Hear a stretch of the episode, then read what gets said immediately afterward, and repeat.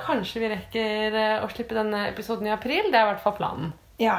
Så dette er liksom aprilepisoden. Og nå sitter vi hjemme hos Marte, ser ut av vinduet på blomst, ikke blomstrende, spir, spirende, grønnende trær. Ja, Løvet som spretter.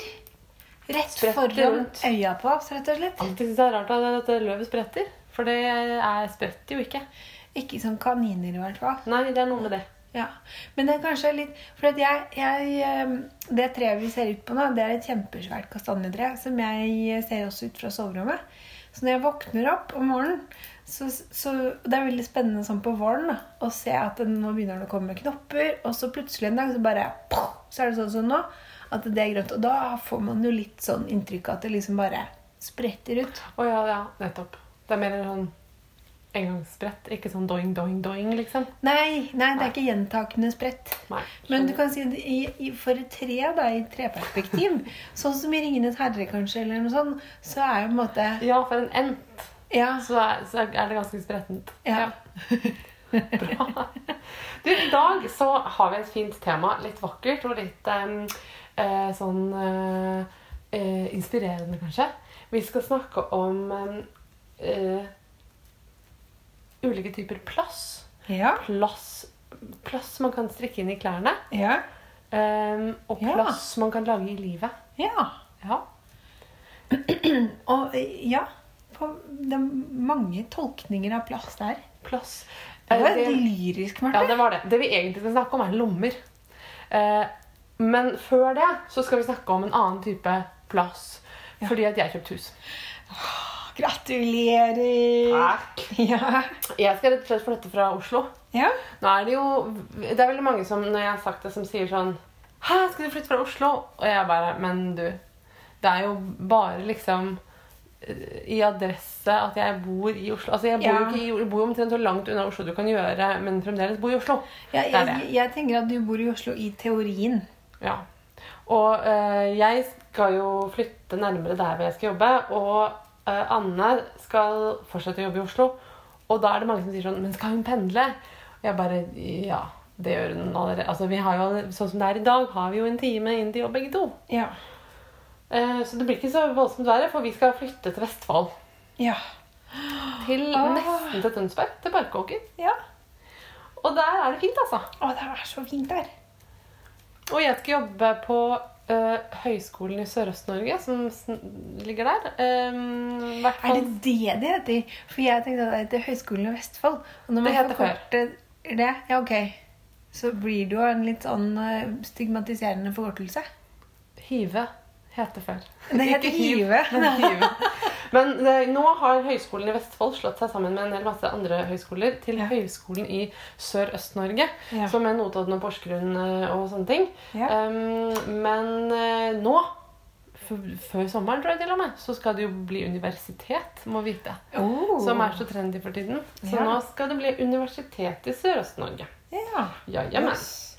Og der har jeg i hvert fall jobb ut året. Ja. Så får vi se. Og da har vi kjøpt hus og flytter, og barna skal gå på skole og barnehage der. og i det hele tatt. Ja. Men når man kjøper hus, så kjøper man seg jo plass. Ja, ja, ja. Og nå bor jo jeg ganske trangt. Um, ikke veldig trangt, Mm. men, uh, men jeg får veldig mye mer plass. Ja. uh, og mulighetene for garnoppbevaring Ja. kommer til å endre seg, da. Ja.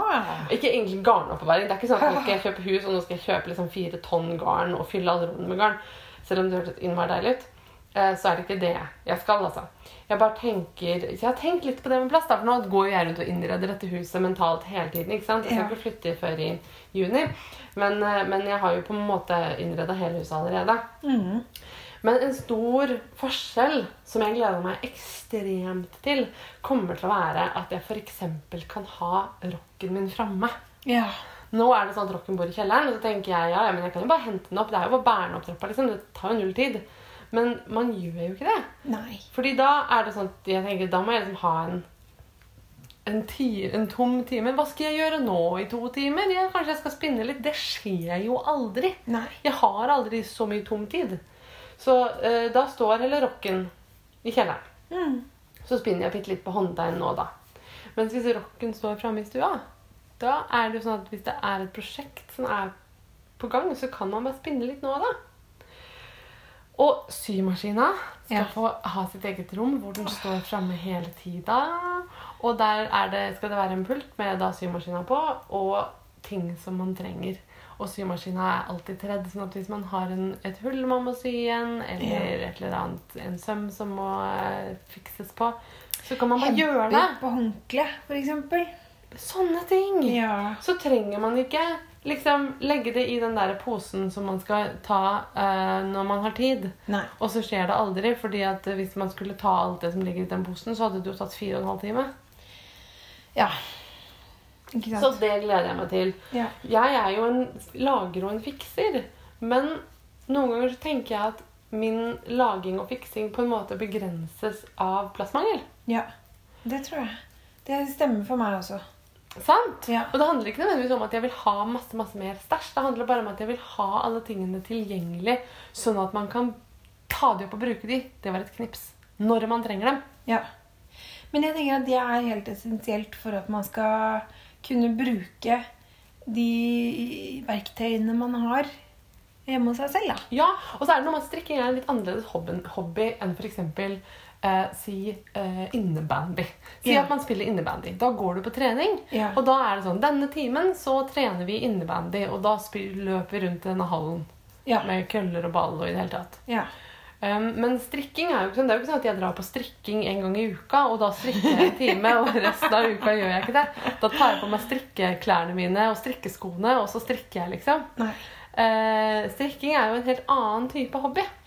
Det er jo det som er så genialt, at man kan jo strikke hvor som helst. Ja. Når som helst. ja. Og apropos Nesten. det, Ja. så tenkte jeg at vi skulle komme en liten shout-out eh, til en ny podkast jeg har eh, hørt et par episoder av, som heter Make Do. Mhm. Og den laget av Julia Scott og Tiffany Arment, og den er på engelsk. Yeah. Og den andre episoden deres som de lagde, så snakker de om akkurat det med plass, nemlig. For de snakker om det å ha et studio, et atelier, et eller annet sånt rom. Yeah. For Meg Do handler ikke bare om strikking, den handler om liksom kreativitet og det å lage, og det å være en som lager ting og gjør ting. ja. Og jeg tenker at for noen kreative hobbyer, så f.eks. hvis man driver med maling eller med eh, keramikk, som Julia Scott driver med, f.eks., Mm. så er det ganske viktig å ha et verksted. da. Et Ja. rom. Sant? Studio, atelier, verksted. Hvor du driver med den tingen. Ja, eller sying, for eksempel. Da, tenker jeg. For det, Ja. nå sitter jo vi inne på det som, er, eh, som vi kaller kontoret. Mhm. Eh, hvor det står en datamaskin, fordi vi hadde ikke noe annet sted å sette den. Det er en pult, og det er en en liten sofa, og eh, litt sånn. Og det er egentlig et rom som måtte ha bare ha blitt eh, Altså, Meningen var jo egentlig at dette skulle bli mitt hobbyrom. Ja. Inni mitt hode, i hvert fall. Men det det egentlig faktisk har blitt til, er at Robbie sitter stort sett her og jobber hver eneste dag. Så er det podstudioet vårt. Det er podstudioet vårt, og det er når han er på Skype med foreldrene sine i Italia, så sitter han her. Eh, eller, hvis det en, eller hvis jeg jobber på kvelden, så sitter jeg her og jobber. Så det er jo et rom som er i bruk hver eneste dag. Mm. Men som, hvor du da på en måte Jeg har hatt symaskinen stående på pulten der veldig lenge, men det er ikke plass. Selv om det er en relativt god størrelse pult, så er det ikke plass allikevel, for nå står det bare masse rot oppå der, da. Men, eh, men sying tar plass. Det gjør det. Du trenger gjerne liksom et sted å legge mønstre, du trenger et sted å klippe, du trenger et sted å stryke. Mm. Og drive og pakke alt opp og ned. Det tenkte jeg at ok, jeg kan jo bare legge det til side her, så er det greit, liksom. Men det har ikke funka. Nei, Da Vi blir det til at det, det blir et ork, og man lar være isteden. Ja. Det er det samme med spinning. altså Det tar jo ikke så stor plass å spinne, men de tingene du, du har altså Ulla tar plass, Mm. og rocken tar litt plass. Ja. Sånn at, eh, ja. Nei, og, og jeg tenker at med strikking så er det jo noe av det som er deilig, er at det er en hobby du kan gjøre hvor som helst. Mm. Så da er det ikke det at du trenger så innmari mye plass, egentlig, men plassering er kanskje veldig så viktig. Altså Det at du har de tingene du trenger der du trenger dem. Mm. Ja. Altså Hvis alle, alle strikkepinnene mine lå i en kiste nede i kjelleren, hadde jeg nok strikka mye mindre også. Ja. Men det at de er i stua, i den kista som jeg har i stua, og bare kan strekke meg etter når som helst, Mm. det gjør at jeg strikker hele tiden. ikke sant? ja. Og derfor har jeg tenkt at vi ikke på en måte skal ha en normal stue når vi flytter. Nei. Men et slags hva kan man kalle det? På 70-tallet kalte de det for allrom. Ja. Men jeg liker den ideen, da. Ja. Heldigvis så har jeg gift meg som syns at det er en god idé. Hun er jo en lager sjøl, Mm. og en sånn som måte får en idé og bygger en greie. Og fikser en ting og syr en knapp og gjør sånt. Ja. Og barna er jo Eller barn er vel kanskje ofte litt sånn som foreldrene er på den måten. Så mine barn er i hvert fall veldig sånn som får for seg et prosjekt, og så setter de i gang med lim og saks, liksom. Men jeg tenker at barn er litt sånn naturlig òg. At Ja. de bygger eh, Lego eller eh, tegner eller maler eller at de Ja! Og da driver med sånne ting. da kjenner jeg veldig at jeg er som mamma, så er det min jobb å legge til rette for deres kreative utfoldelse. sant? Absolutt. Så jeg tenker Altså, nå har vi en bitte liten eh, TV inne på stua, men det er mest fordi er, vi har ingen andre rom. Altså, vi har to soverom, ett til barna og ett til de voksne, og så har vi en stue. Mm. Um, men nå skal den TV-en ut av stua. Jeg skal ikke ha TV i stua.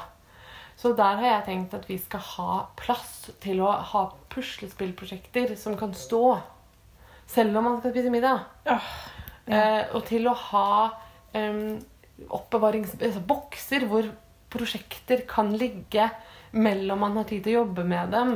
Eh, en rock jeg, jeg, Vi må ha plass til Ja. sånt. det høres fantastisk ut.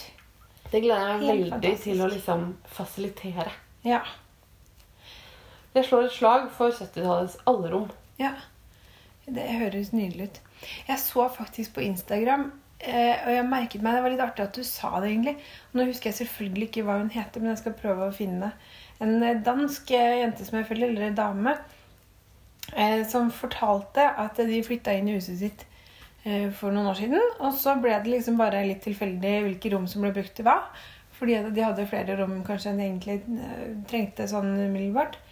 Eh, hvor da De hadde lagd stue i det fineste rommet med de største vinduene. Selvfølgelig med TV og alt sånne ting.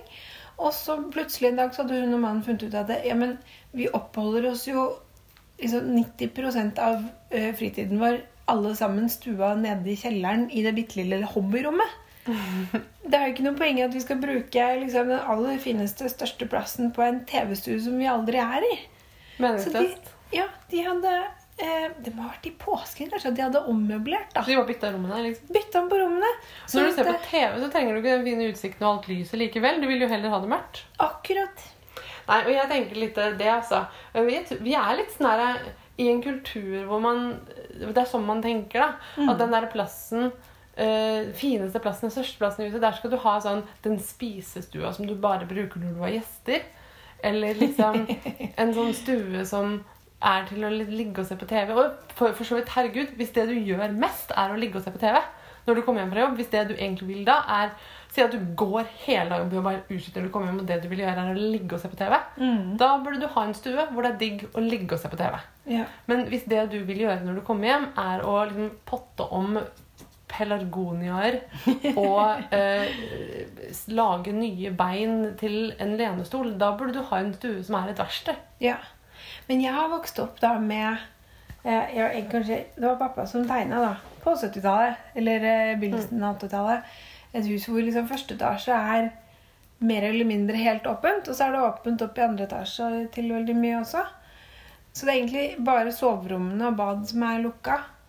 Og i, nede i første etasje så var det da et stort spisebord som sto mellom kjøkkenet og stuedelen. Og på det spisebordet der ble det sydd, det ble strøket klær, det ble gjort lekser, det ble spist. Det ble bakt pepperkaker. Det ble gjort alt sånne ting, liksom. Samtidig som noen andre kanskje satt og leste bok rundt hjørnet i stuedelen eller noe sånt noe.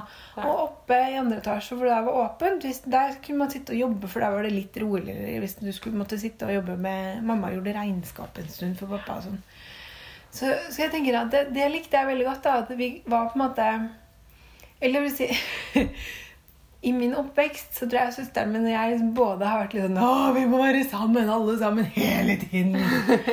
og nå så, er jeg, så ønsker jeg jo det samme selv. Ja. Men det For det er jo nettopp en måte å få folk til å kunne være sammen på selv om de gjør ulike aktiviteter.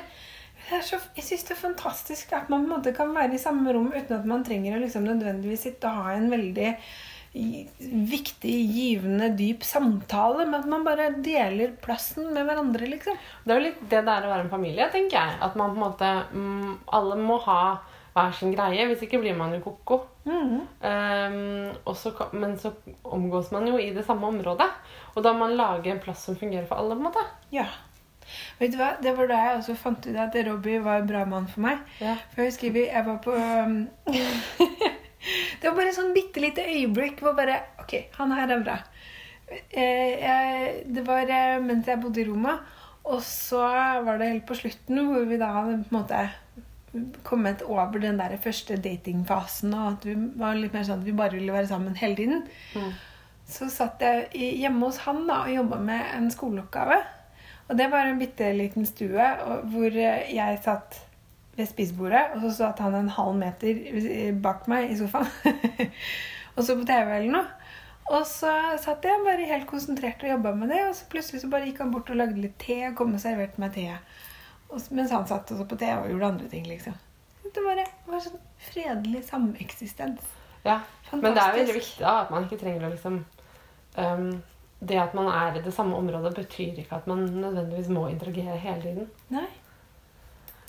Ekstra viktig kanskje når man bor på liten plass. Ja. Men du, bare en sånn herre eh, Du sa 'plass i livet'. Da kom jeg Jeg, jeg fant på en spøk i går som jeg syntes var kjempemorsom selv.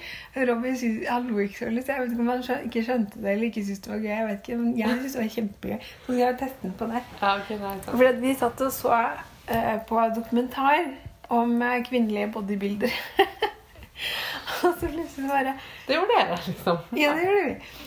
Uh, jeg er jo Jeg kan faktisk med rette kalle meg bodybuilder nå. Ja, you're building a body. I am in fact building one more body. Yep. Plass i livet og sånn. Ja, du har mye plass i livet, i livområdet akkurat nå. Det som også kalt livmoren. Ja. Plass i livmoren, det er jo ganske fascinerende hvor mye plass det er i livmoren. Det, eh, det er ganske ekstremt, faktisk. Ja, og så er det helt, helt, helt sykt å tenke på at det skal ut det stedet det skal ut. For det, det har jeg ikke noe lyst til i det hele tatt. Men det som er eh, gøy med det, det er at eh, greia det er jo ikke plass før du skal føde, og da er det plass. Det er, noe, det er veldig rart hvordan det skjer, fordi det er ikke plass, det er ikke plass, plutselig er det plass. Jeg stiller meg høyst tvilende til det. Jeg hører dere sier det, men ja. Nei, det var en spesiell opplevelse. Mm. Men som sagt, jeg synes det var innmari gøy å føde. Skulle gjerne gjort det igjen, men jeg orker ikke alt det andre styret, så jeg står over. ja. ja, ja. Men eh, ja, plass i, i livet. Plass i rundt livet. Eh, Når man har plass til en hel unge i livet, så må man ha god plass i livet på klærne. Ja. Og så eh, er det en annen type plass, nemlig lommer. ja. Men du, før, eh, før veien inn i lommer her er Oh, oh, oh. Jeg har smooth overgang til deg, Marte. Ok, greit. Dritsmooth. Vet du, apropos plass i livet. Ja. Det fins et dyr som har ungen sin fortsatt i livet. ja. Ja! Kenguru! ja! Og hva er det ungen ligger oppi? En lomme. Ja! Har jeg en dødssøt liten snutt på Instagram her om dagen. Med en mann som har en, en foreldreløs Eller altså hvor kengurumammaen døde, og så må han passe på kengurubabyen. Så han har den i et putevar som han har i beltet. Og bærer den hele dagen. Oppi et putevar, for det er det den liker. Og så driver den og lærer seg å hoppe rundt, for det må de jo, for de skal jo hoppe mye rundt. Ja. Så han slipper den ut på lur, så hopper den litt rundt, og så holder han bare ut putevaret som en sånn pose. Og, så, og da blir den kjempeglad. Å, der er lomma mi! Og så dang, dang, dang, hopper han over, og så hodet først. Plopp, opp ut bare. Yes. Ja. Men hvordan klarer de å liksom stable sammen beina sine nedi De der? bare krøker seg sammen som en ball. Og så ligger de nedi der med beina og alt liksom sånn stappa sammen. Yes. Og Så ligger de der og er ganske store, egentlig. Ja. Og titter opp med hodet. Ja. Av en lomme. ja.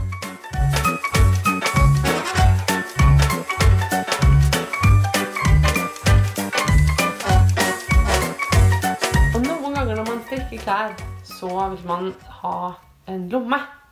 En strikket lomme. Man vil alltid ha en lomme, Marte. Og Vil man ikke det? jo, det vil man. Eh, hvis man strikker bukser, så vil man ha lommer i buksa. Kanskje. Men eh, også når man strikker kofter Og da må jeg spørre deg, Marte, hvordan går det med kofteåret 2018? Og jeg kan svare deg stolt, stolt, stolt at det er i gang. Det er på G. Yes! Så bra. Eh, Sitter og strikker på det akkurat nå, faktisk. Ja. Mm, Det som skjedde var at jeg har jo da eh, det er erklært eh, så fint eh, i bånden her at yes, jeg skal bare strikke kofter i år. Og så begynte jeg året med å strikke alt annet enn kofter. ja. Eh, og så tenkte jeg ok, nå har jeg for mange prosjekter på gang, så nå må jeg bare gjøre ferdig det jeg har. Og det varte helt fram til forrige helg, hvor Ja. jeg da bytta til meg noe garn som jeg bare måtte begynne med med en gang. Og det bytta du til deg av Jeg Tone Sjåstad. Ja. Eh, Oslo strikkefestival-Tone. Og hun kom med en svær kjegle med grønt Jeg var borte og tafsa på det før du kom. Ja. skjønner du. Ja. Og hadde egentlig kanskje litt tenkt å ta det med meg, og så klarte jeg å overtale meg selv til ikke gjøre det, for jeg har litt garn fra før. uh, Men jeg ser jo nå Jeg, jeg er jo litt misunnelig. Og så er det fullt av spinnolje som jeg syns lukter veldig godt. Noen syns det lukter fælt, men jeg synes det lukter så innmari koselig, for det minner meg om uh, Bergen Trikotasjemuseum. Ja. Men vet du hva, det blir nok igjen til deg også hvis du vil ha litt. Ja, for det var Det sånn. himlende mye på den eh, Det var veldig mye, ja. det er veldig tynt og veldig drøyt. Det, det er altså veldig tynt ullgarn, rent ullgarn, som vi ikke helt vet hva slags type er, for det husket ikke Tone. Eh, Men det minner meg om eh, det som jeg har bestilt på nettet en gang, som heter Black Hill Highland Wool. Som garnutsalg.dk selger. Som på en måte er samme tjukkelse og like mye spinnolje. Tynt, tynt, Tynt. tynt. Ull, ull, ull. Ull, ull, ull. Det er jo, jeg vil si at det er samme tjukkelse som eh, nøstebarnulla. Ja, enig. Omtrent. Se, nå sitter jeg da Og greia bare at det, Kofteåret, det var det, vi, det var det egentlig skulle snakke om. Ja, dette er en sånn flaskegrønn farge. Og ehm, jeg har jo hatt noen ideer til kofter jeg har hatt lyst til å strikke veldig lenge. Og det som var den utløsende faktoren, det var at Tone hadde denne kjempekjegla i den flaskegrønne, og så hadde hun tre-fire andre farger som det bare var bitte lite grann igjen av. I samme Ja, kvaliteten. og Og, jeg bare samme, ja. ja. Og da bare Ok, den kofta der! Nå skal det skje. Så jeg eh, kom hjem og bare la opp med en eneste gang. Så nå er jeg i gang med min første egendesignede kofte. Ok. Yes! Så det er du har funnet på sjæl? På sjæl. Veldig fin. Den har sånne små liksom firkanter. Striper av firkanter i de tre andre fargene, som er turkis, eh, sånn dus lilla og liksom pudderrosa. Og det ser ut som noen drops. Kjempefint! Det blir nederst på bolen og på armene. Og så har jeg en plan for eh, mønster. Det blir rundfelling. Ehm, rund sal, liksom. Ja. eh, øverst på kroppen. Og, der, og grunnen til det var at jeg vil ha et sånn trekantmønster. Jeg vil ha et veldig grafisk mønster med trekanter. Og for å klare å få felt i det der virvaret, så måtte jeg ha noen sånne fellerunder. Og så har jeg tatt utgangspunkt da i den på en måte Redd Barna-kofta. Som vi Ja. ikke strikka som Redd Barna-kofta. Men, Men eh, min som måte ble litt annerledes Ja, fordi for at vi det- stunta litt. Ja. For den kofta som jeg strikka, den eh, ble jeg så innmari fornøyd med både størrelsen og fasongen på. Eh, og så har jeg fortsatt å forandre Så nå er jo Altså Den ligner jo ikke på Herborg-jakka i det hele tatt. Og denne her kommer til å ligne enda mindre. Så det jeg tror det er ganske lite igjen av den grunnoppskriften der. Men, så den var mer som en sånn eh, interessant utgangspunkt, kanskje. Og det eh, er jo ikke med rundfylling heller. Så det kan vi jo snakke litt mer om etterpå. Eh, eller en, i en annen episode, tenker jeg. For Mm. det, jeg måtte gjøre litt research da, på hvordan jeg skulle felle, rett og slett. For jeg er veldig glad i raglan. Ja. Og det, det, jeg gadd ikke å prøve engang å få mønsteret til å gå opp i raglanfelling. Og så ja, okay, så Alt dette kommer egentlig ut av latskap, da. ja, som så mye vi gjør. Ja. Og i, i Herborg-jakka så er det jo sånne spikes, eller hva skal jeg si. At man, ja, man feller i kjegleform. Og det kan jeg heller ikke å prøve å regne på. Og da er det liksom rundfelling igjen, da. Hvor du bør felle liksom på noen Du må ha fellerader, rett og slett. Ja, noen Elisabeth Zimmerman har jo en fantastisk eh, metode på det. Ja, så jeg googla, sant, og det jeg kom fram til da, var at det var noen um... Det er et sånt prosentsystem. Ja. hvor det hun mener da, er at det du strikker fra armhulene opp, er en tredjedel av genseren. Så da har du på en måte dybden på det. Og så må du felle på to-tre fellerunder. Hardt og brutalt. Ja. Så det er det jeg, jeg håper at skal funke. Og så har jeg selvfølgelig begynt nedenfra opp, så jeg finner det jo ikke ut før jeg egentlig er ferdig. Nei. Det funka. Men, Men, eh, så spennende. Ja, og jeg har blitt så gira, så nå har jeg strikket bolen og en arm. Og nå er jeg halvveis på den andre armen. Så dette blir kofte. Kult! Og det, det er så utrolig gøy å strikke. Og det jeg må si, er at det er, liksom, kjedelig å strikke armer, og det er kjedelig å strikke bole i stort sett enfarga glattstrikk. Men jeg gleder meg jo så fælt til å komme i gang med eh, den derre eh, Rundfellinga. rundfellinga og mønsteret der.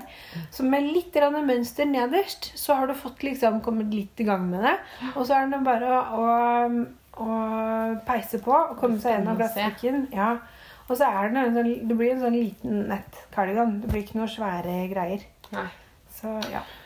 Og det er jo, det ønsker jeg meg. Jeg har jo strikka eh, den stripete hettejakka, som fortsatt mangler glidelås, for jeg får aldri kommet meg og kjøpt det. Og så kom jeg på at jeg kanskje har en glidelås som passer, men den ligger nede i kjelleren, og i kjelleren er det oversvømmelse. Det er ikke sagt. Nei.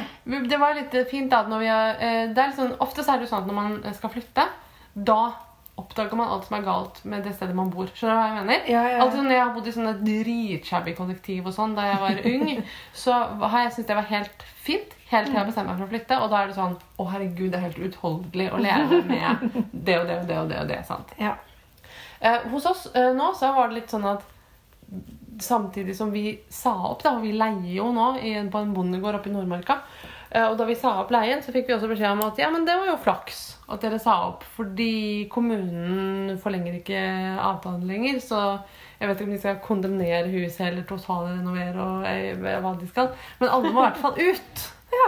Og omtrent samtidig som vi fikk beskjed om det, så brøt bare allting sammen. Så nå er det sånn at det, det smelter jo snø i Nordmarka som bare Nå kommer jeg til å banne som bare faen, rett og slett. Og det bare fosser inn overalt. Og i kjelleren er det liksom Det går ikke an å dusje, det går ikke an å vaske klær. Det er bare vann overalt, og det lukter som om noen har liksom sløyd fisk. Så jeg vil bare ut, må jeg innrømme. Akkurat nå.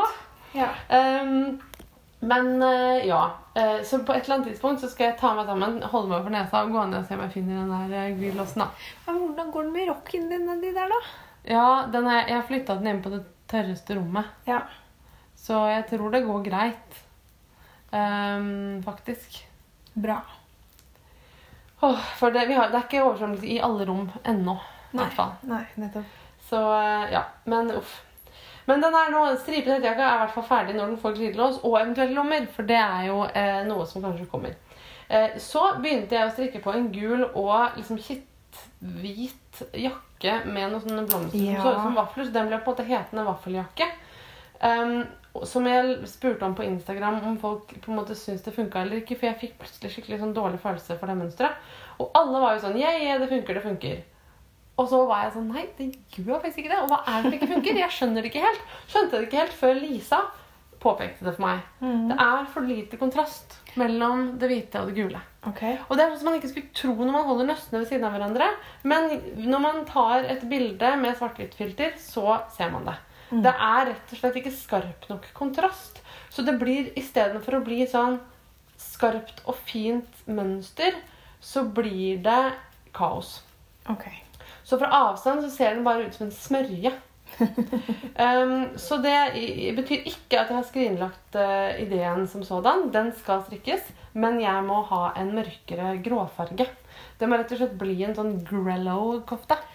Så bort med det hvite og inn med noe grått. Greit.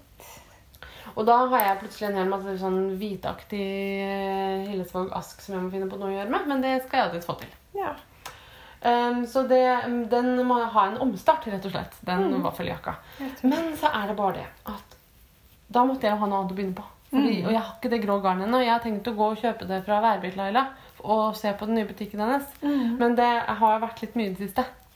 Så nå har jeg ikke fått gjort det ennå. Så før jeg får gjort det, så måtte jeg begynne på noe nytt. Og da har jeg begynt på en litt spesiell eh, jakke som, jeg, eh, som er litt gøy.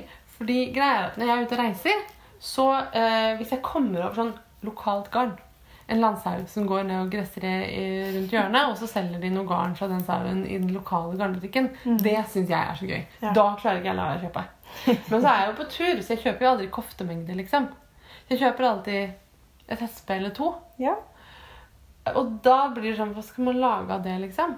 Så jeg har etter hvert en del sånne hesper, da. Sånn som jeg har ett eller to hesper. Eller én eller to hesper har jeg lært meg at jeg skal si. Um, og da lager jeg nå rett og slett uh, suvenirjakka. Som er en jakke av alt det garnet jeg har kjøpt på meg her og der. og rundt omkring.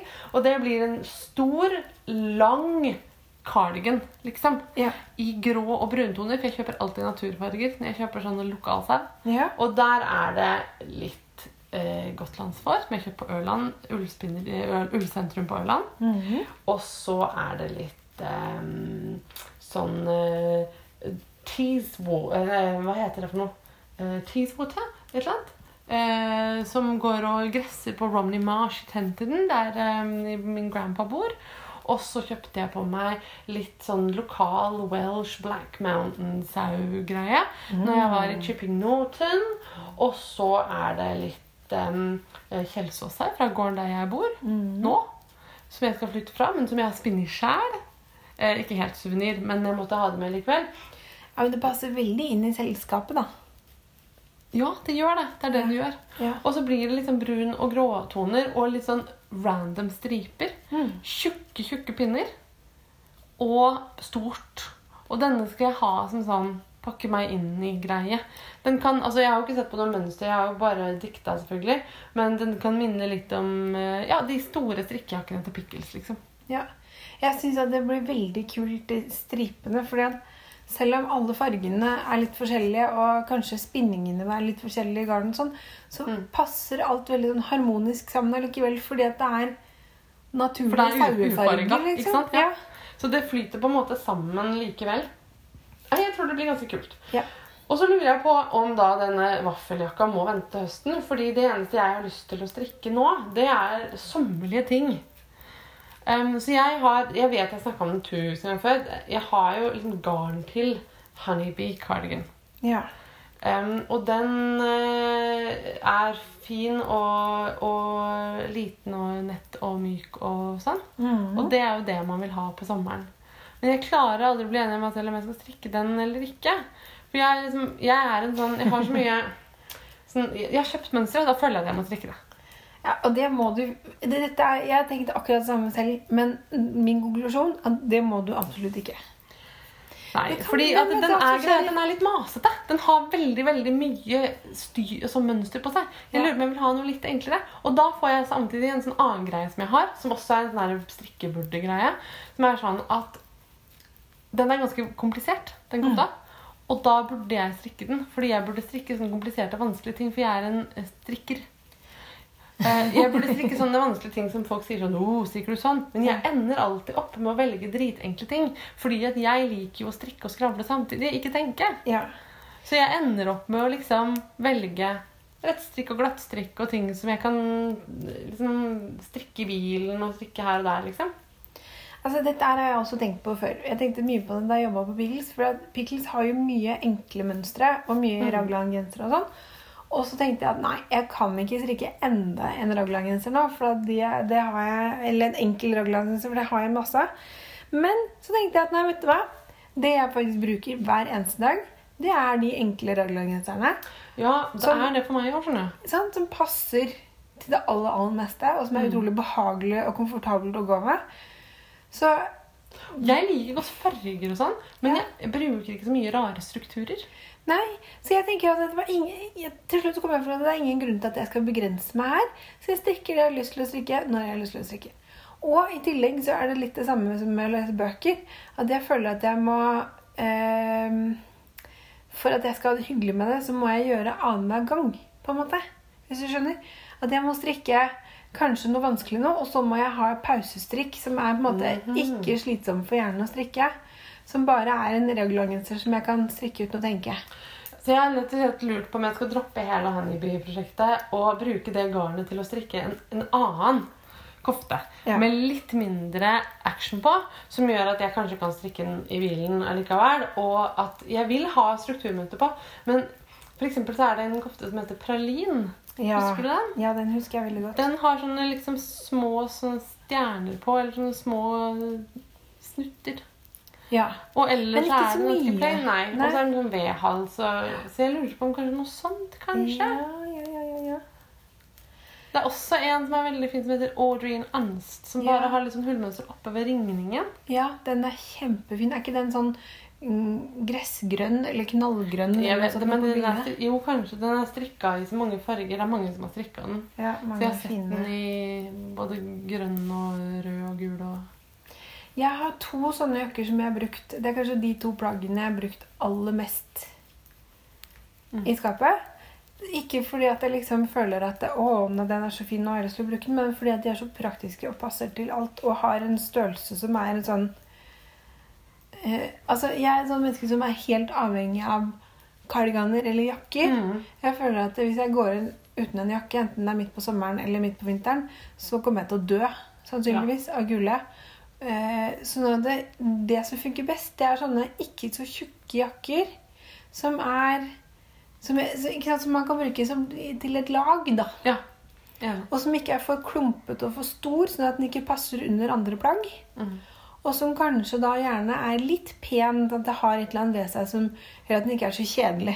Mm. Og bare en sånn helt vanlig, enkel sånn eh, Jeg har, hatt, jeg har alltid hatt én sånn i skapet i alle år. Sånn, eh, som jeg bruker til jeg sliter ut. eh, Fra cardigan fra Benton. Ja, sånn helt enkle. Mm. Helt enkel. For den passer til stort sett alt. Akkurat passe varm. Men den er altså utrolig døll, liksom. Ja. Så da er det gøy å strikke noe med litt rann mønster. Og det ene det er den um, knæsj cardigan som jeg har strikket eh, eh, litt lenger. Nei, Mm. kortere, mener jeg. I hvitt. Og så putta jeg inn litt hullmønster akkurat foran ved knappestoppen. Mhm. Den har jeg brukt utrolig mye. Og Det er fordi jeg lurer på Jeg kan også bare beholde liksom honeybee-ideen, men kutte ut mye av mønsteret. For den har sånn ganske intenst mønster på hele greia. Ja, Og det man kunne gjort, var å bare beholde en stripe av mønster langs knappetoppen f.eks. ja, og det Det tror jeg kunne blitt veldig fint da, sammen med den. Jeg har Den også har sett måte- noen som har, behold, som har lagt inn mønster i armene, men ikke på bolen. At, men jeg vet ikke. Og jeg har sett noen som har strikka mønster bare på ryggen. Og noen som har strikka mønster bare foran og ikke på ryggen. Ja. Men jeg tror kanskje at jeg ville kutta det helt ut. Uh, bortsett fra liksom en stripe på hver side av knappestolpen. Ja. Vi har jo ikke egentlig sagt helt hvordan Altså, det er, hull, det er hullmønster. Det heter honeybee fordi at de liksom ser ut som bier. Å ja. At det er sånn biemønster. Ja. Så det er liksom Ja, for det er jo veldig mye forskjellige hullmønster. Sånne rader bortover fra knappestolpen og ut til sidesømmen. Mm. Med litt sånn vridninger og snoninger og hull og border og forskjellig. Og så er det det samme bak på ryggen. Og så i mønsteret er den veldig kort. Den Ja. er liksom egentlig bare rett under puppa. Ja. Og korte armer. Så jeg hadde tenkt å strikke den helt ned til livet, liksom. ja. Det synker jeg. Ja, for at på mønsteret så ser den ikke ut som en sånn typisk Marte... Nei, den gjør ikke det i det hele tatt. Jeg, bare, nå er jeg litt sånn, jeg skjønner ikke helt hva jeg tenkte. Nei, men vet du hva? Det, det, når jeg har kjøpt, det er noen sånne mønstre jeg har kjøpt tidligere. Hvor eh, jeg har sittet på Ravelry, og så er jeg kanskje liksom litt langt uti den økta. Så jeg har liksom, strikkingen har tatt fullstendig over hjernen min. Ja. Og så har jeg sittet og sett noen prosjekter som jeg, på hausa meg selv opp. da. Så bare, dette er fantastisk, dette må jeg strikke. Og så kjøper jeg mønsteret. Og så glemmer jeg det bort, fordi det skjer noe annet dagen etterpå. Mm. Og så finner jeg den så bare Hva var det jeg tenkte her? Ja. Husker ikke. ja. Nei, så kanskje jeg må bare Let it go, let it go. Ja, det kan Men du, Marte, vi skulle snakke om lommer. Ja. Og greia er at uh, jeg har ca. to uh, lommegreier i det siste. Eller det vil si, jeg har ikke gjort det. Men jeg har strikka noe som heter ekorn, ekorngenseren. Det har det begynt å bli eh, har det Fikk det navnet på Instagram fordi, Ja. at, eh, fordi at det er jeg som har strikka det. Og jeg tenker sånn som ekorn gjør. Um, og det er en hettegenser. Um, og den var det planen at skulle få sånn kengurulomme. Ja. Og da har jeg strikka lomma også. Mhm. Og så har jeg til og med sydd den på. Bare da hadde den litt for langt den ene siden, så det står rett litt teit ut, så den tok jeg av igjen. Ja. Og etter det har jeg bare ikke giddet å strikke den på, sy den på igjen. Nei. Fordi det funker jo helt fint uten også. Mm. Men eh, det er i hvert fall en lomme, altså kengurulomme. Det vil si den er breiere nederst enn øverst. Mhm. eh, som en slags omvendt T, omtrent. Ja. Og så har den inngang fra sidene. Altså ovenfra fra sidene. Ja. Um, så det er én type lomme, og den er jo sydd utenpå. Ja.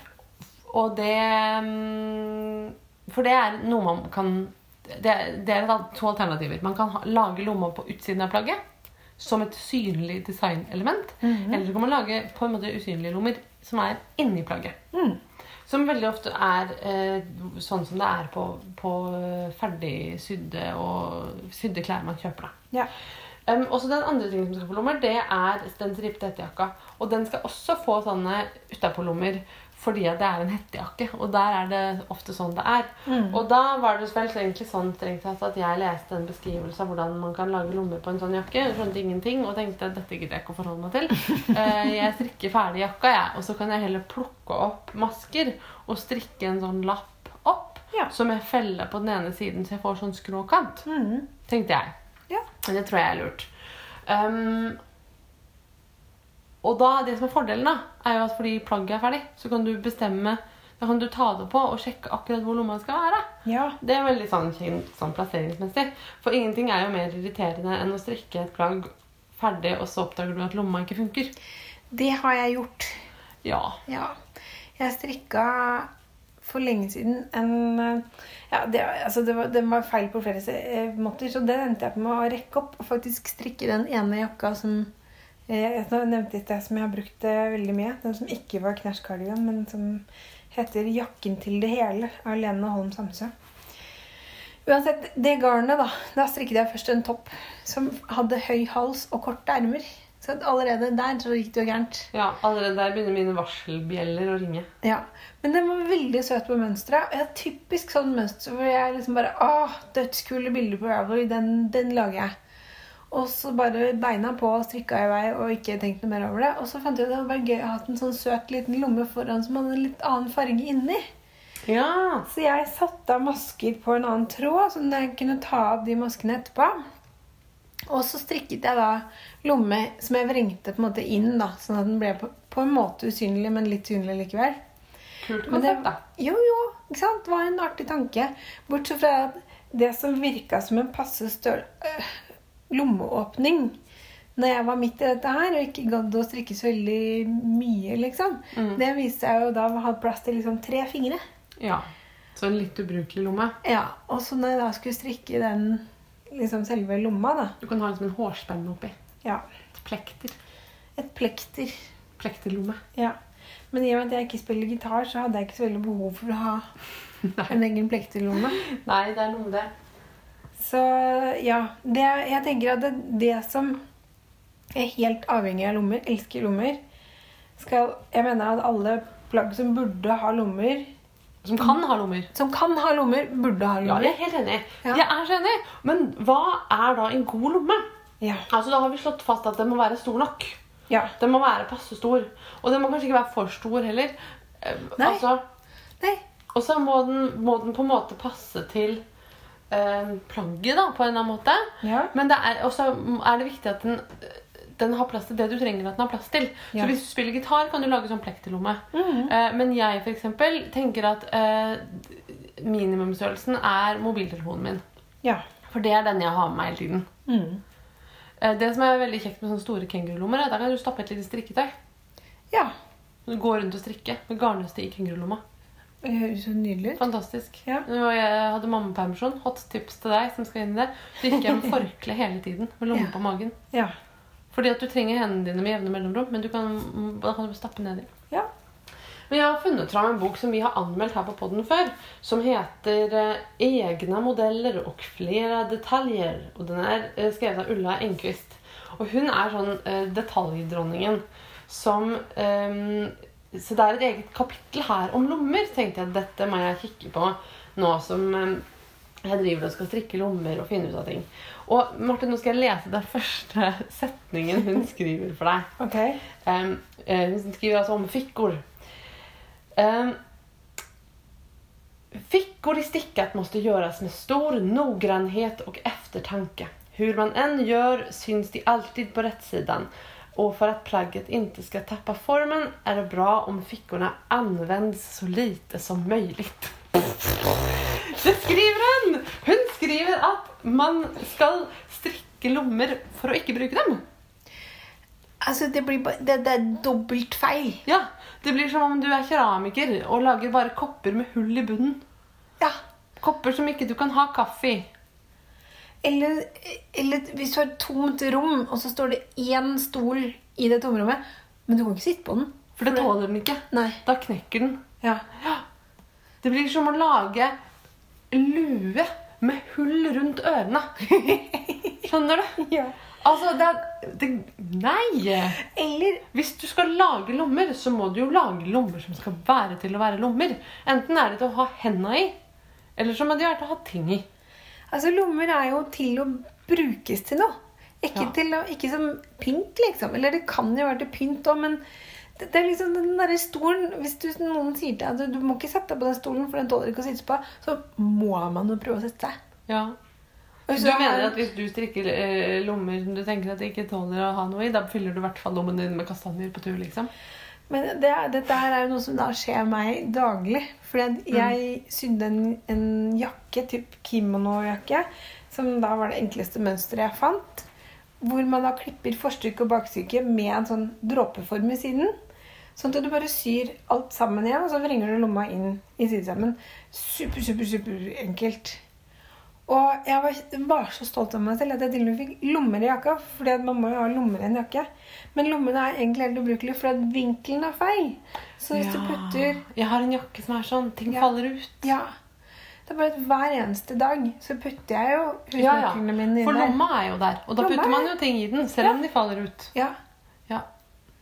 Kanskje du kan sy litt igjen av lomma, sånn at den blir trangere på en måte?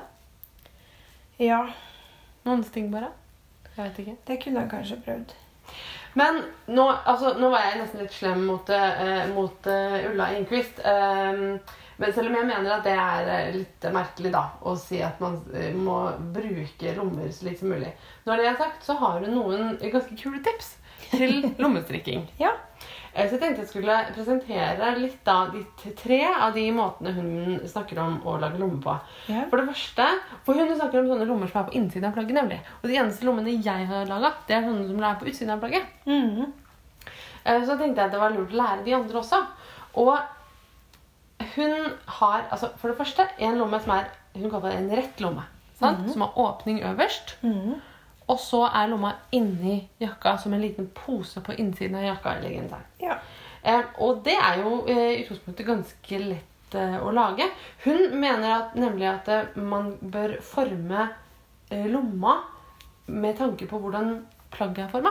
Så hvis du har raglan, så er det ganske pent med en skråstilt lommeåpning. Fordi at det på en måte samspiller med den skrå raglanfellinga. Mm.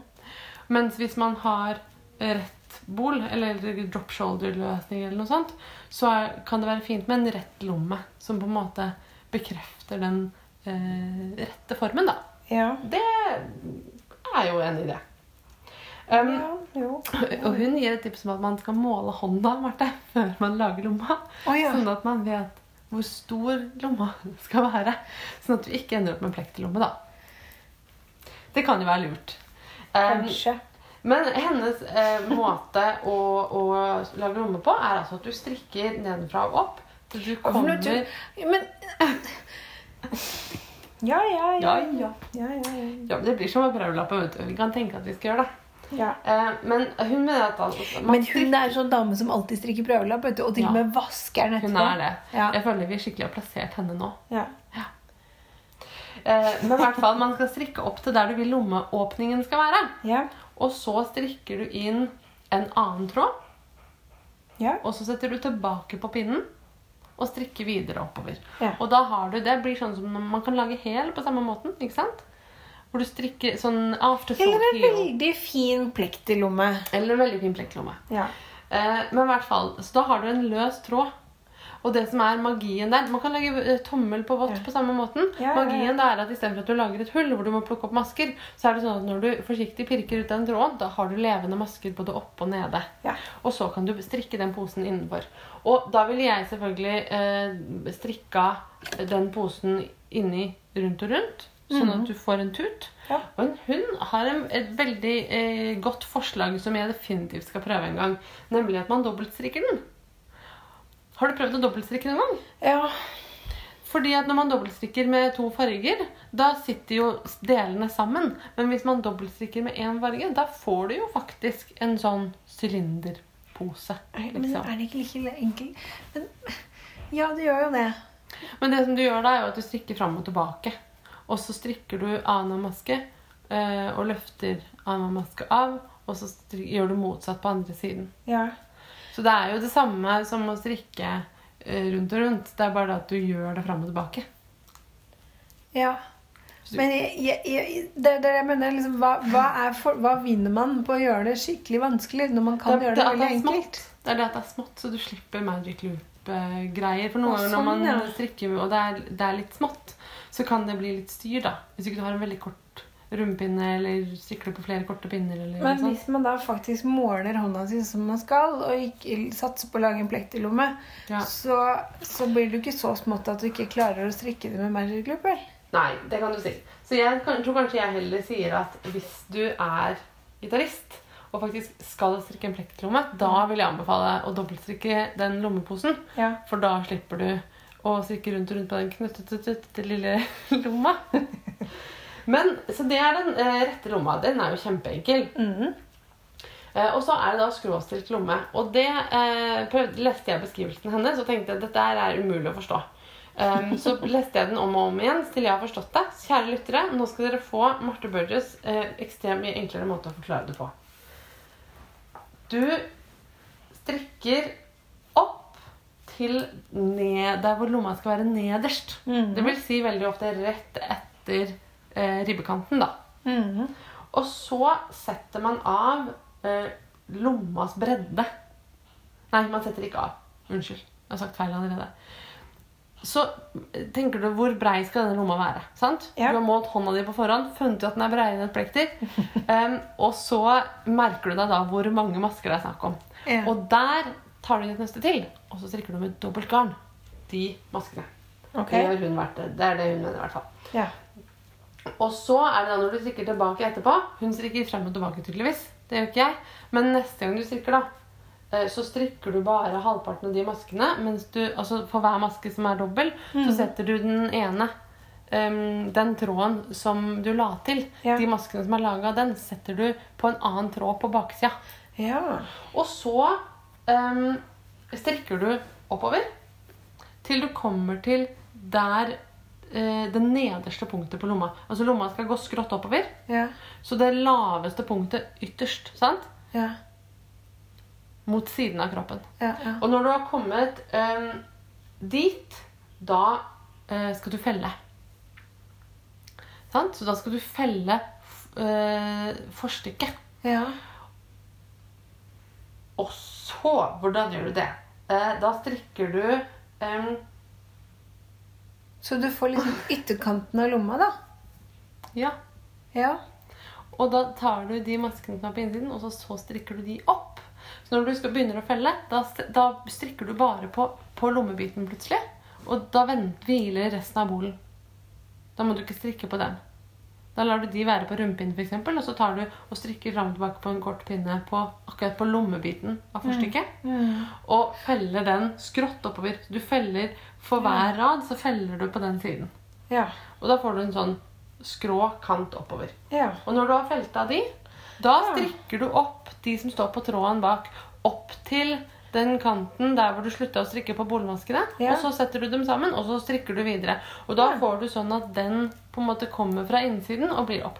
Og da har du en lomme Ja. som du må sy igjen i sidene, da. Ja. Sant? Så der må du sy en liten søm på hver side av lomma, sånn at ikke plekterne dine faller ut på hver side. ja.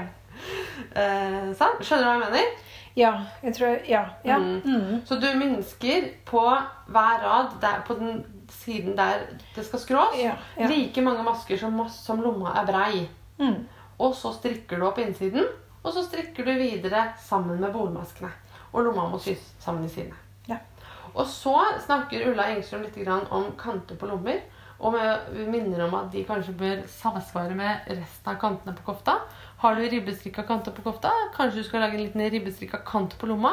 Hvis den ribbestrikka kanten du har i halsen, er dobbel Noen ganger lager man jo dobbeltkant. Mm. Da kan man kanskje lage en dobbeltkant på lomma også, sier hun. Ja. Jeg tenker at eh, det sikkert er lurt.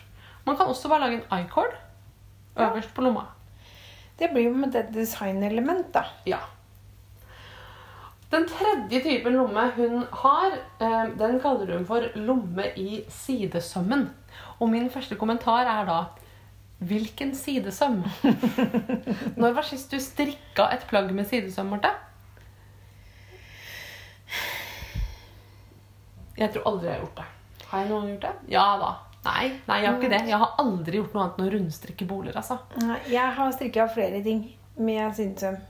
Ja. Eh, Jeg har jo et prosjekt som ligger på Som egentlig Jeg er vel på andre armen eller sånt, men den, eh, den eh, Jo, den, den Det har ligget litt sånn her og der, men det har stoppa opp. Det er en genser, sånn gammelt vintage-mønster.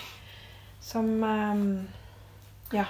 Men uh, uansett da, så kan man jo eh, ha uh, lommer i sidene uten å ha sidesøm. Ja. Du kan jo uh, dele bolen akkurat der og strikke litt av framstykket og litt av bakstykket fram og tilbake. Sånn at du får en splitt i hver side, mm. og så strikke de sammen igjen. Mm. Eller du kan klippe opp. ja. Det er mange muligheter. Um, og Ulla Engstrøm mener at uh, lommer i sidesømmen først og fremst er fint fordi at de er helt usynlige. Uh, men at det er en litt uh, upraktisk plassering. Jeg er helt uenig med henne. Jeg syns at lommer i siden kan være veldig praktisk. Ja. Men da er vinklingen veldig viktig, og det er jo det som måtte en gærent med den der. Altså, jeg har tenkt mye på dette fordi jeg sydde den jakka, og fordi at jeg har hatt en annen vinterkåpe som ha, jeg syns har veldig bra lommer. Det er, de er Jeg foretrekker kanskje sidesømmer fordi at de er veldig lett å finne når du skal varme hendene dine, f.eks. Mm. Og så er det et naturlig sted å ha lommer, da, på en måte. Ja, er det ikke det? Jo, men den andre vinterkåpen de har sånne påsydde lommer på hver side av eh, magen, kan du si. Eh, som er helt rett ovenfra. Mm. Men, og det har jeg vært skeptisk til tidligere, fordi at du Den derre vinkelen litt sånn skrått inn ovenfra, den passer veldig bra når du skal varme hendene dine, f.eks. For, for da kommer jo hånda ovenfra. Ja. Ikke sant? Så hvis du har sånne som er rett oppå, så blir du stående litt sånn Ja, fordi altså, det er jo grunnen til å ha skråstilte lommer. Ja. er jo hvis man liker å ha hendene i dem. Ja. Fordi du kan ikke ha hendene i en sånn rett lomme. Det ser jo ut som et ekorn. Med mindre de er store nok. Ja. Og på denne vinterkåpa mi så er de faktisk ganske store. De er sånn at jeg får sånn termokrus oppi. Og det er helt genialt. Ja, for når jeg, ja, når jeg går ut døra om morgenen, så skal jeg låse døra etter meg. Så har jeg nøkler i hånda. Og så skal jeg ta på meg hodetelefoner og finne fram en podkast. Så, så da har jeg telefonen, og så går jeg og bærer på alt det der, og kaffekoppen. Det Ja. så jeg mister alltid minst en av delene på veien ut. Men med den geniale rommet så kan jeg i hvert fall få kaffekoppen oppi der. Så kan jeg ha telefonen oppi den andre, og så kan jeg ta på meg hodetelefonene. Og, og ok, Kanskje du kunne sagt at dette kunne jeg gjort før jeg gikk ut døra? Men det blir sånn som at du ikke skal putte ting i den lomma som er skråstilt. Det gjør du likevel. Det, Ja. Du kommer aldri til å klare å planlegge og gjøre alt i riktig rekkefølge. Nei. Sånn Aldri. funker ikke hjernen. Fordi også, jeg, Vanligvis så driver jeg fortsatt og kler på meg når jeg går ut døra. Så jeg, Ja. da skal jeg også ha på meg skjerf og ta inn jakka. Ja, ja, og da er hjernen din bare sånn Men hei, hvor er det blitt av den tredje armen som Ja. jeg trenger? Ja. Og så har du en kaffekopp full av kaffe i tillegg. Ja.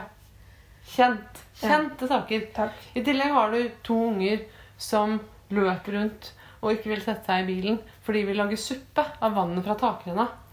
Og kanskje de jager katten, og så må du si eh, ikke jag katten, ikke eh, velt den. Å, der velta du den. Vi må inn og bytte bukser. Ja. Ja. Ok. Der er framtida, med andre ord. Men uansett, lommer kan gjøre den situasjonen veldig mye bedre. For da har du i hvert fall ikke sølt på deg kaffe samtidig som du må inn og bytte bukser. Helt sant. Lommer gjør det meste bedre så lenge de er brukbare lommer. Ja. Så Som oppsummering her kan vi jo si det at hva er det som er viktig? Det er å lage fornuftige lommer som ting ikke faller ut av, og som Nei, nei, nei. er store nok. må, her må vi ta det fra begynnelsen av. Hva er det som er det viktigste? Én. Ha lommer. Ha lommer. Ha Ja. lommer. Ja. Hvis du kan ha lommer, ha lommer. ja. Veldig bra. Og hvis man syns da at lommeposen strekker seg så innmari at det er veldig dumt, Mm. da kan man eh, kanskje sy et fòr til den ja.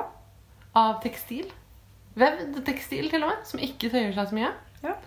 Um, man kan erstatte hele lomma med en pose i vevd tekstil. Mm. Man kan klippe av den biten som er for lang, og sy en søm. Ja. Eller man kan skaffe seg litt lettere plekter, så ikke de tøyer seg så mye. Plastplekter istedenfor metallplekter, Ja. for eksempel. Ja, ja, ja. Mm. Samle på litt færre kastanjer om gangen. Selv om kastanjer er veldig fine. Ja, det syns jeg var litt vanskelig. Ja, jeg er enig. Ja. Men eh, er det flere måter å lage lommer på som vi ikke har Ja. nevnt her? Ja. Du, jeg, strikket, jeg har strikket to ganger en kjole av Vera Wellmaker som heter Still Light Tunic. Ja, den er spesiell. Den, er veldig, den liker jeg veldig godt. Og der er lommene brukt som et veldig sånn designelement. Eh, Den er en veldig enkel ensfarget kjole med raglanfelling. Du begynner oppe, strikker eh, rundt og rundt og rundt. Når du har kommet ned til magen, så skal du begynne å strikke eh, lommer. Og den er en sånn type Det kan jo se ut som Det er sånn hva, hva skal jeg si da? Det er en sånn Frankenstein-mix mellom kengurulommer og eh, vanlige sidelommer. Mm. Sånn at du setter Nei. Ja. Alle maskene rundt livet, bortsett fra den biten som går på en måte midt foran, eh, til side. Og så strekker du fram og tilbake nedover. Det Ja, for den strekkes skal, ovenfra og ned. ja, Mm. som skal bli på en måte den magen. Magen på kjolen. Og det er lenge siden jeg strikket. Ja. Men poenget er i hvert fall at du strikker ehm, Du får sånne lommer som går inn fra siden. Så du strikker Ja. et panel foran, ikke sant? Ja, akkurat det. Og så legger du ut mer Du strikker et panel foran som øker, øker, øker, øker i bredde, som til slutt da smelter sammen med midt i siden. Ja. Og da får du litt ekstra stoff på hver side av det panelet, som blir på en måte begynnelsen på lomma, sånn at lommene blir ganske store. Og så setter du av noen Du må strikke en del, et sånt parti midt over magen, da, fram og tilbake en stykke. Sånn at du kan ta opp de maskene og så strikke lommeposene innover. ja. Og Eh, blir det sånne lommer som også er funksjonelle? Som man kan putte hendene inn i og Ja, og der, Den første gangen så ble de bra, og den andre gangen så uh, mista jeg tålmodigheten da jeg strikket lommeposen, så de ble altfor uh, grunne. Ikke dype nok. Sånn at de funker ikke helt. Men eh, den jeg mista Så der er trikset tålmodighet. Ja. Ja. Men det blir veldig kult, for at du får på en måte Det blir også en fin sånn drapering i stoffet. liksom. Du får en drapering, og du får litt sånne skygger og en form, da. På en Ja. måte Litt sånn slags eh, struktur eller Ja. Nei, er linjer er i plagget. Mm. Men det er mye glattstrikk og ganske tynt eh, garn og Eller tynn strikkefasthet og Ja. ja. Litt sånn tålmodighetsprosjekt. Hvis noen andre har veldig gode lommeløsninger som vi ikke har snakket om her, eh, så tips oss, da vel. Vi er kine på lommer. Eh, Og en annen ting som jeg føler er lenge siden jeg har sagt på podkasten, er at det er så utrolig hyggelig å eh, høre fra folk. Ja. Eh, innimellom, eller egentlig hver gang vi klipper en episode, så er det noen som sier sånn hurra og takk og at de hører på oss. Mm. Og det er jo så gøy at folk hører på oss. Ja. Vi får være med på så mye morsomt med folk som hører på oss mens de gjør morsomme ting. Eller kjedelige ting. Eh, Det setter vi veldig pris på. Så hvis du gjør noe kjedelig akkurat nå, mens du hører på oss, så håper jeg at vi var med på å gjøre det litt eh, morsommere. Hvis ikke dere gjør det allerede, så følg oss på Instagram. Eh, Marvold heter Marte Wold, og jeg, Marte Burgess, heter Marte underscore knits. Og vi heter Marte med TH begge to. Og så kan dere subscribe på Instagram, på iTunes hvis man ikke gjør det alt, og Ja. følge oss på Facebook. Gjør det. Hurra, hurra. Og så er det vår. Og jeg skal flytte og strikke og strikke og strikke. Og akkurat nå strikker jeg på Vertices Unite-sjalet. eh, som jeg begynte så friskt med å følge oppskriften. Så strikka jeg feil ganske tidlig i prosessen. Så nå følger jeg ikke oppskriften lenger. Del to av seks. Der datt Martha av oppskriften. Men det er på grunn av skravlinga. Ja. Jeg, altså, jeg skravler hele tiden, og da er det veldig vanskelig å følge mønster. Så jeg, vet ikke, jeg lurer på om jeg kanskje bare skal slutte. jeg. Og prøve. Nei, ikke å skravle. Nei, å prøve å følge mønster. Ja. At det kanskje ikke er liv laga, liksom. ja, men jeg synes jo da Altså, du, du får jo mye gøyalt ut av det du gjør. Ja, og jeg, kan, jeg begynner jo med et mønster som utgangspunkt ofte. Ja. Og så tar det bare at det ikke tar så mange rader før jeg slutter å Men nå er du på en måte veldig i sjalets ånd. For sjalet er jo å strikke en bit, og så plukker du opp noen masker på den ene side og strikker litt ny bit, og så Ja. fortsetter man sånn. Ja, og Så- det er jo ikke sånn at jeg ikke bruker mønster heller. For jeg går til mønster innimellom og ser f.eks. sånn Hvordan er det han strikker en lapp som kommer ut mellom to andre lapper, og strikker dem fast i de to? Ja. Så der har jeg jo på en måte lest, og så gjør jeg sånn, da. Og så er alle bitene rosa, så det blir jo veldig, veldig Ja, for jeg bruker jo dette til å strikke rosa opp rosa restegarn. Ja. Eh, og den der honeybee-cardigan som kanskje blir en pralin eller en helt annen, da, siden jeg sikkert ikke kommer til å følge noen av mønstrene uansett hvilken jeg velger å strikke. Men vet du, det er også noe med rosa. det òg. Ja. Ja, for det er noe med det. Jeg kommer jo uansett ikke til å strikke noe som det står. Nei. Men det kan være greit å ha Kanskje jeg bare skal finne på noe? Marte. Ja.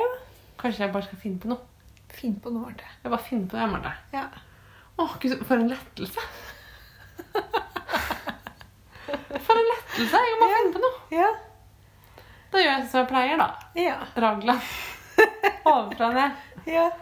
Bare finne på noe eh, morsomt, morsomt hullmønster og ha langs knappestolpen, f.eks. ja. Men det er jo bare gøy. Og jeg har jo den der Honeybee cardigan-oppskriften, så jeg kan jo bare rappe hullmønsteret derfra. Ja. Da er ferdig, da. Bare begynn å strikke. Bare å strikke. Greit, men da er det på det regnet. Da sier vi eh, Da sier vi det. Da sier vi det sånn. Ja til lommer. Hurra for det. Ja. Jeg så på Trainspotting for ikke så lenge siden. Ok. Så nå har jeg hele den der Trainspotting-talen. Say yes to life. Yes Ja. to pockets. Yes to the comfortable. Bla, bla, bla. Ja. Åh, fantastisk. Han, han snakker jo ikke om lommer, da. Nei, nei, nei, men vi sier ja til lommer. Ja. Um, Si ja til lommer, si ja til livet. ja. Ha det mykt og behagelig inni en deilig ullgreie med lommer i. Ja. Sant? Det er ikke Ja. noe, bedre. Ok. Ha det, Marte! Ha det, Marte!